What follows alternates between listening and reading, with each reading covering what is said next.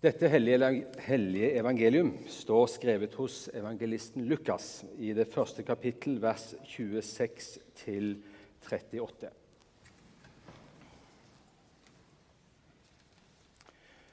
Men da Elisabeth var i sjette måned, så ble engelen Gabriel sendt fra Gud til en by i Galilea som het Nasaret, til en jomfru som var lovet bort til Josef, en mann av Davids ett.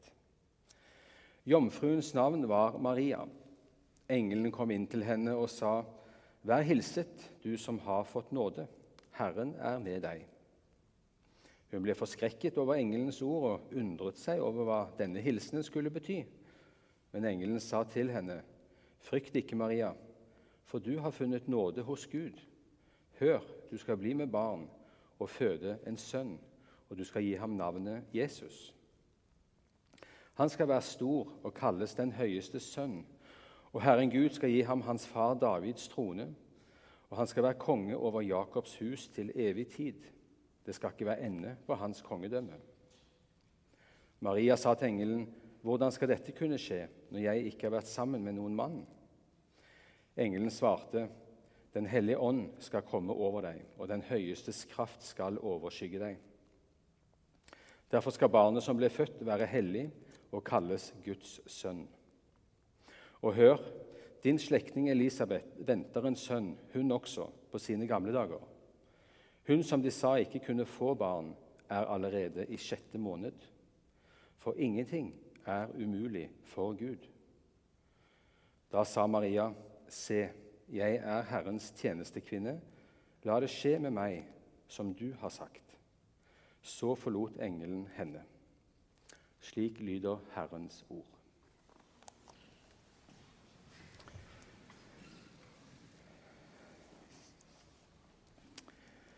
Under tekstlesning så hørte vi Johannes lese fra historien om kong Ahas. Og Han var konge i Juda på Jesaja sin tid, 720-730 før Kristus. Og Han var en konge som gjorde mye ondt i Guds øyne, står det. Han ofret til og med sine barn på ilden, står det. Han drev med menneskeofring. Og han sitter altså på tronen i, i Jerusalem som konge. Men nå er situasjonen dramatisk for han, fordi han er plutselig omringet nå av to andre konger som har gått til angrep. Det er eh, Nordrikes konge Pekam, og så er det arameerkongen Resin. Og det står at de er livredde. De skalv som løv, kan vi lese i kongebøkene. Så hører vi at, eh, i dag at Gud sender profeten Jesaja til kongen for å roe han ned. Og sier han trenger ikke å være redd for disse kongene. For ingenting av det de har planlagt, kommer til å skje.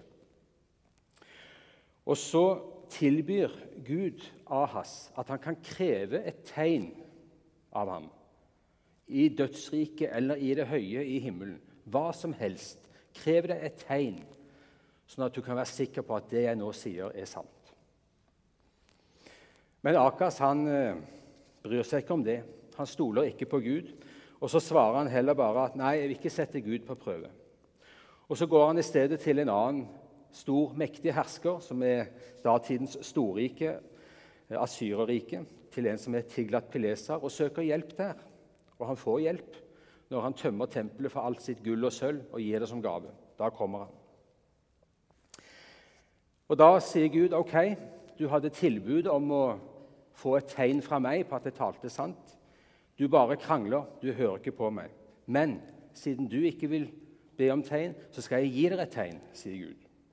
Og Så sier han, se, den unge jenta, en jomfru, skal bli med barn og føde en sønn, og hun skal og hun skal gi ham navnet Immanuel, Gud med oss. Så her profeterte altså inn i denne situasjonen Gud selv direkte nettopp det vi har hørt om Maria. Ahas hadde mulighet altså til å be om hva som helst av tegn fra Gud for at, at han, for at han kunne teste ut at Gud talte sant.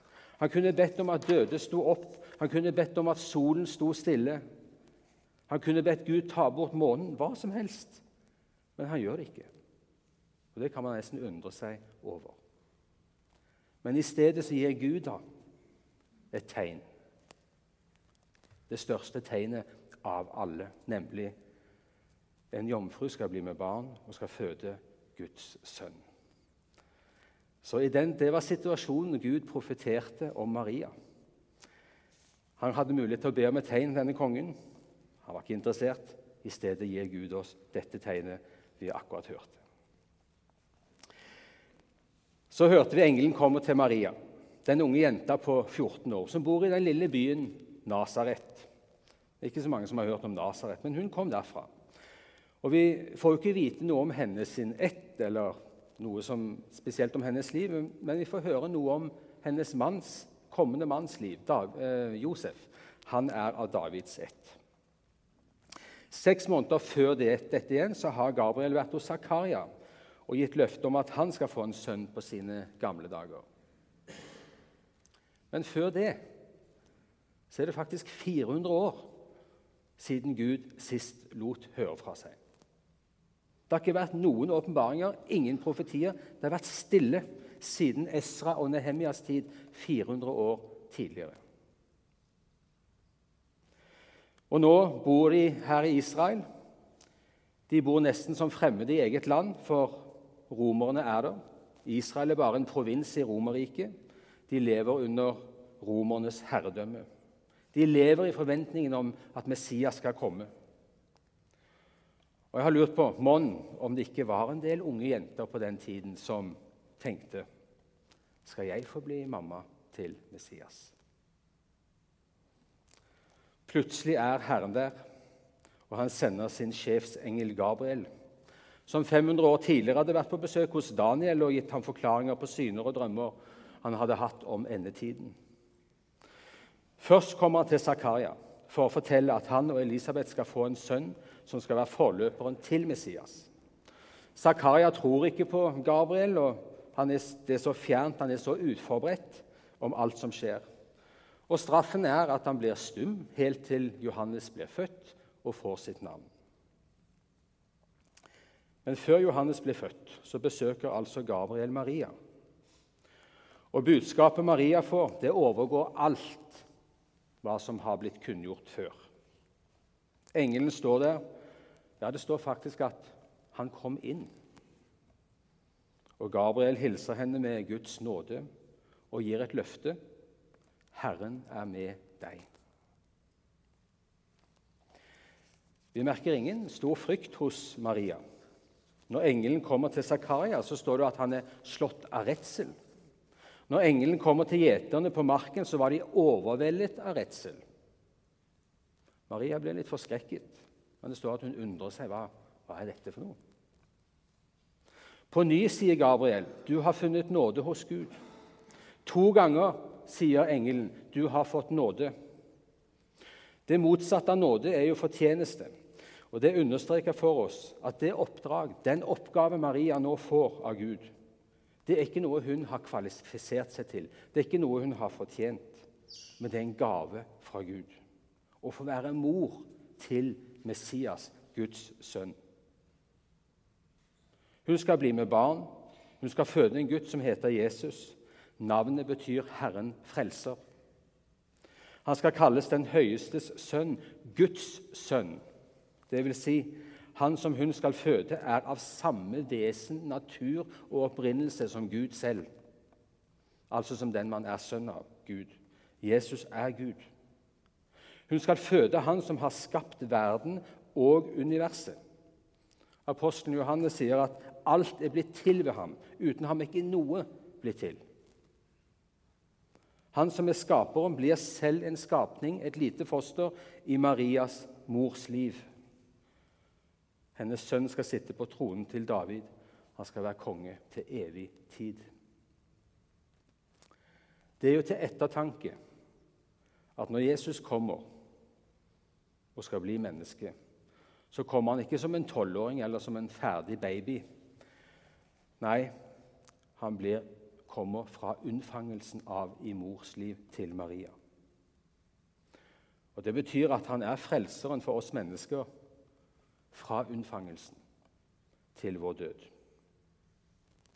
Jesus oppfyller Guds rettferdighet for oss fra unnfangelsen og til vi dør. Og Det vitner for oss hvordan Gud ser på det ufødte liv. Jesus kommer til og med som et foster. Johannes hører vi har Den hellige ånd mens han er i mors liv til Elisabeth som et foster. Og Det forteller oss hvilken verdi vi mennesker har fra unnfangelse til død hos Gud. Hva skjønner Maria av det som engelen sier? Det kan vi undre oss over, men hun spør ikke om noe mer. Jeg tror hun forstår og tror engelens ord. Men det hun lurer på, det er jo hvordan skal det skje?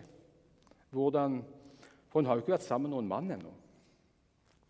Og Da får hun et enda mer underfullt svar. Den hellige ånd skal komme over deg. Den høyestes kraft skal overskygge deg. I Matteus så står det litt mer konkret. Hun skal bli med barn med Den hellige ånd. For å bekrefte sannheten i dette så forteller nå Gabriel om Elisabeth, som ikke kunne få barn, men som Gud nå likevel har gjort det mulig for å få barn. For som engelen sa, ingenting er umulig for Gud. Og De ordene de gjenkjenner Maria. De har hun hørt før, for hun kjenner historien om Abraham og Sara som Herren gjester når de er 89 og 99 år gamle, og sier neste år skal dere få en sønn. Og Da står det at Sara bare ler. Men Herren taler til henne og sier, 'Er det noe som er umulig for Gud?' Nei, ingenting er umulig for Gud. Det er noe vakkert over denne historien. Denne unge jenta, 14 år kanskje, som har en slik åndelig modenhet som vi bare kan undre oss over. Hun har en tillit til Gud som er forbilledlig. For menneskelig talt så er det jo ganske mange implikasjoner som kunne kommet i kjølvannet av det hun nå får oppdrag til å gjøre, utføre. Hvordan skal hun forklare dette for andre? Hun skal føde Guds sønn. Har det rablet for deg? Hun er lovet bort til Josef. Hva vil han si? Hva vil folk si? Hvordan forklare dette for omverdenen? Men det rare er at dette er ingen problemstilling. Det er typisk at vi som mennesker problematiserer dette. Jeg har hørt mange prekener om hvor vanskelig det må ha vært for Josef og Maria. Men det er ikke tema i Skriften. Det er et konstruert problem. Både Josef og Maria har tro og tillit til Gud, og det ble aldri et problem. Det vi vet Maria gjør umiddelbart, det er å reise opp i fjellbygdene til der hvor Elisabeth og Zakaria bor. Og Der blir hun i tre måneder, står det. Og Det var nok Elisabeth glad for, for eh, hun hadde jo en mann som var stum kunne ikke prate så mye med han, så det var sikkert hyggelig å få Maria der. Og Der er hun i tre måneder, og antagelig til Johannes blir født. Men hvorfor reiser hun opp dit? Svaret er egentlig ganske opplagt. Hvem kunne hun snakke med om dette? Hvem ville forstå henne? Elisabeth, så klart. Og hun skjønner, for når hun hører Marias stemme når hun kommer, så blir det jubel hos Elisabeth, og Johannes i morslivet hennes bare spreller og er i 190. Elisabeth blir fylt av ånden og bryter ut. Hvordan kan det skje at min Herres mor kommer til meg? Det var jammen meg rette person for Maria å komme til. Hun skjønte og trodde. Hun forsto hvem som var i hennes mors liv. Til slutt så svarte Maria, 'Se, jeg er Herrens tjenerinne. La det skje med meg som du har sagt.' Hun legger livet sitt fullt og helt i Guds hender. Wow! Hvem er denne jenta? Hvem av oss kan si hva hun sa? La det skje med meg slik som du har sagt. Vi hører ordene Jesus har lært oss 'La din vilje skje'. Og som Jesus selv ba i Getsemane 'Ikke som jeg vil, men som du vil, far'. Det er det sanne og rette liv med Gud, og det er der Gud ønsker å ha oss. Den tilliten til Han. Så er historien full da, av mange teorier og tanker og teologier om Maria. Det spenner jo vidt hvordan man ser på henne og denne historien som vi nå har hørt. Og Det henger nok sammen med at denne historien den er så underfull at den leder til mange spørsmål og vanskeligheter for vårt tanke og vårt intellekt. Og Det fører jo enten til at man bygger på en del på denne historien og legger til ting i historien, eller så bortforklarer man den. Den katolske kirke lærer oss f.eks. at Maria var syndfri. Hvordan kunne hun ellers føde Jesus, som var syndfri? Både i katolsk og luthersk sammenheng har man tenkt at Maria forble jomfru, at hun levde avholden i sitt ekteskap. Hun døde ikke en vanlig død, men ble tatt opp til himmelen med både legeme og sjel, for å nevne noen. Men det står ikke noe i Skriften om dette. Man opphøyer henne til noe langt mer enn det Skriften sier. I motsatt ende så finner man de som bortforklarer historien og mytologiserer den. Man gjør historien usannsynlig og uten historisitet. Ja, det er umulig. Men for Gud er ingenting umulig. Det var en som treffende sa hvis du kommer forbi de første versene i Bibelen og tror de, så blir resten en catwalk. Og det er veldig sant. Vi må skjønne hvem vi har med å gjøre, den levende Gud som bringer alt frem ved sitt ord. Og Skriften vitner om at de ordene vi har fått overlevert i denne boka, det er ord talt av mennesker, drevet av Den hellige ånd. Talte ord fra Gud. Jesus sier om apostlene.: Den som hører dere, hører meg.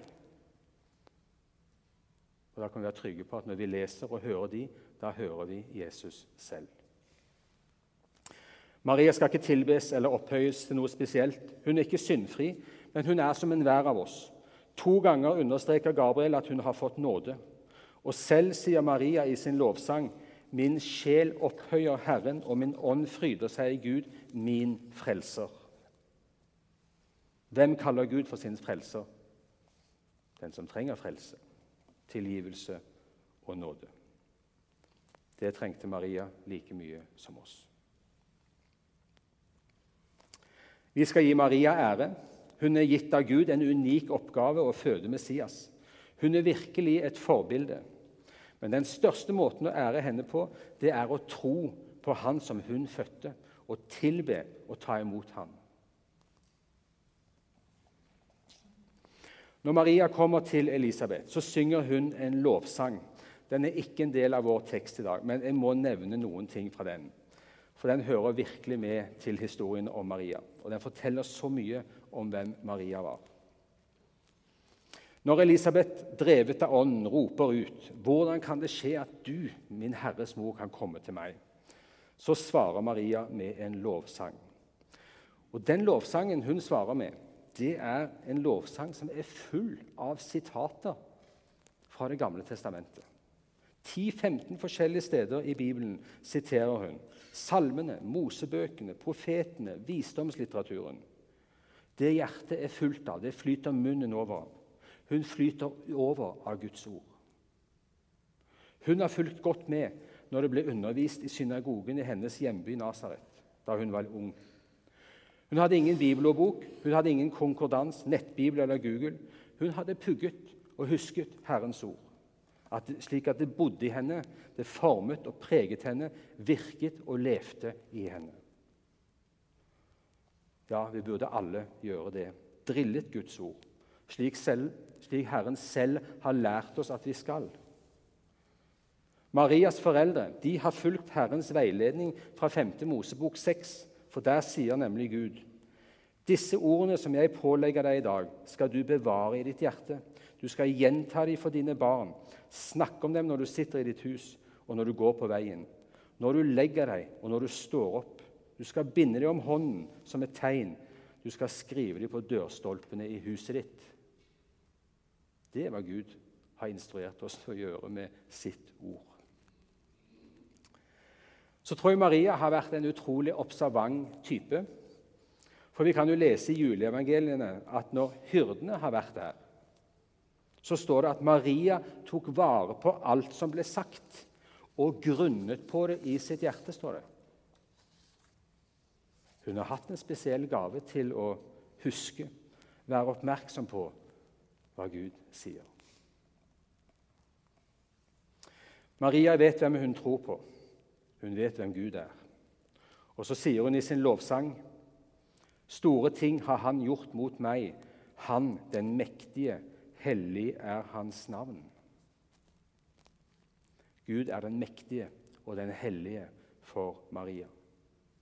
Og vi hører her er det en sann og en sunn gudsfrykt. Hun skjønner hvem hun står overfor, den hellige Gud som er ren, som ikke tåler synd. Men Maria vet også hvem hun selv er, for hun sier, 'Min ånd fryder seg i Gud, min frelser.'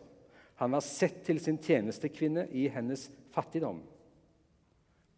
Hun er ydmyk, og hun er fattig. Og Det er ikke en materiell fattigdom, det var hun òg.